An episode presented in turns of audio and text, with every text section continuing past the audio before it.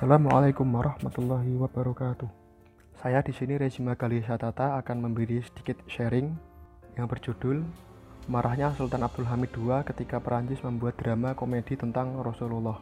Mungkin belum lama ini kita semua selaku umat Islam telah dibuat marah oleh statement dari Presiden Perancis saat ini Emmanuel Macron yang menyakiti hati umat Islam. Dia mengatakan akan melawan separatisme Islam dan lebih parahnya lagi dia menggambarkan Islam sebagai agama yang mengalami krisis di seluruh dunia. Pernyataan tersebut jelas dikecam sejumlah negara Arab, karena pernyataan tersebut jelas menyudutkan Islam dan banyak respon pemimpin muslim yang mengecam tindakan Macron tersebut. Salah satunya adalah Imam Besar Mesir Al-Azhar, Syekh Ahmad At-Toyib, mengatakan pernyataan Macron membawa Islam ke pertarungan politik.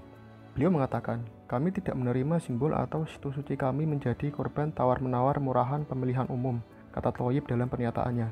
Ternyata, peristiwa yang terjadi saat ini itu bukan hal baru. Negara Perancis dari dulu memang sudah memiliki kisah khusus tentang sejarah kelam yang menghina simbol-simbol Islam, termasuk Rasulullah Shallallahu Alaihi Wasallam. Bagaimana kisah tersebut? Bersumber dari Osman Lee dan Torun Larina, Yul Rehberry, karya Tekin Killing. Pada akhir tahun 1800-an, Sultan Abdul Hamid II yang merupakan pemimpin kuat terakhir Turki Utsmani mendengar kabar bahwa akan diadakan drama komedi tentang kehidupan Nabi Muhammad Shallallahu Alaihi Wasallam yang dipertunjukkan di sebuah teater di Paris, Prancis. Bahkan lebih parahnya lagi, salah seorang seniman di Prancis sudah menyiapkan pemeran lucu yang akan berperan sebagai Rasulullah. Tentunya sebagai pemimpin umat Islam atau negara dengan umat Islam terbesar saat itu, Sultan Abdul Hamid tidak terima dengan apa yang dilakukan oleh pemerintah Prancis.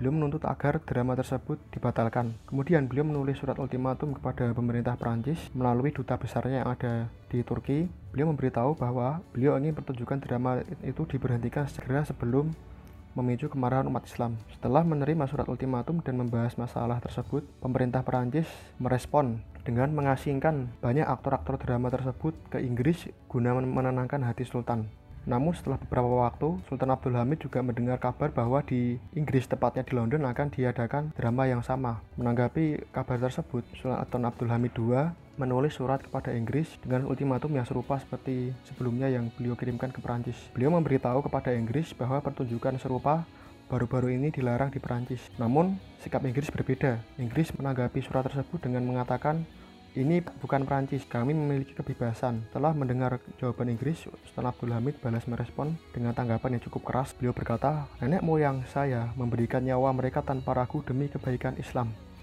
Dalam urusan ini, saya dengan tegas akan menyiapkan perintah kepada seluruh umat muslim di seluruh dunia dan memberitahu tentang sikap angkuh dan kepongahan Anda.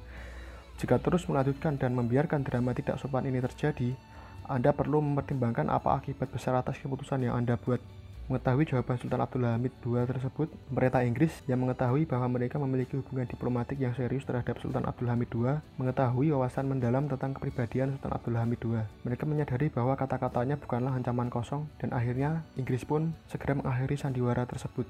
Dari kisah sejarah tadi, kita dapat mengambil pelajaran bahwa betapa besar rasa cinta Sultan Abdul Hamid II terhadap Rasulullah Shallallahu Alaihi Wasallam. Terbukti dari amarah beliau tadi di saat mengetahui bahwa negara Perancis dan Inggris akan menggelar drama yang menggambarkan tentang Rasulullah Shallallahu Alaihi Wasallam. Padahal jelas pada waktu itu Kekaisaran Turki Turki Utsmani sedang berada dalam situasi yang sulit Apalagi waktu itu umat Islam sudah tidak berjaya seperti sebelumnya lagi. Berbeda dengan kita sebelumnya di saat umat Islam masih di era kejayaannya, di era dinasti Abbasiyah dan Umayyah. Namun kita dituntut untuk membela agama kita apabila agama kita dihina. Memang agama Islam adalah agama yang cinta damai, tetapi bukan berarti kita diam apabila agama kita dihina. Apalagi yang dihina tersebut adalah Nabi kita Nabi Muhammad Shallallahu Alaihi Wasallam, suri tauladan kita yang kita harapkan syafaatnya di yaumul akhir. Sekian sharing dari saya, bila ada kekurangan mohon maaf. Wassalamualaikum warahmatullahi wabarakatuh.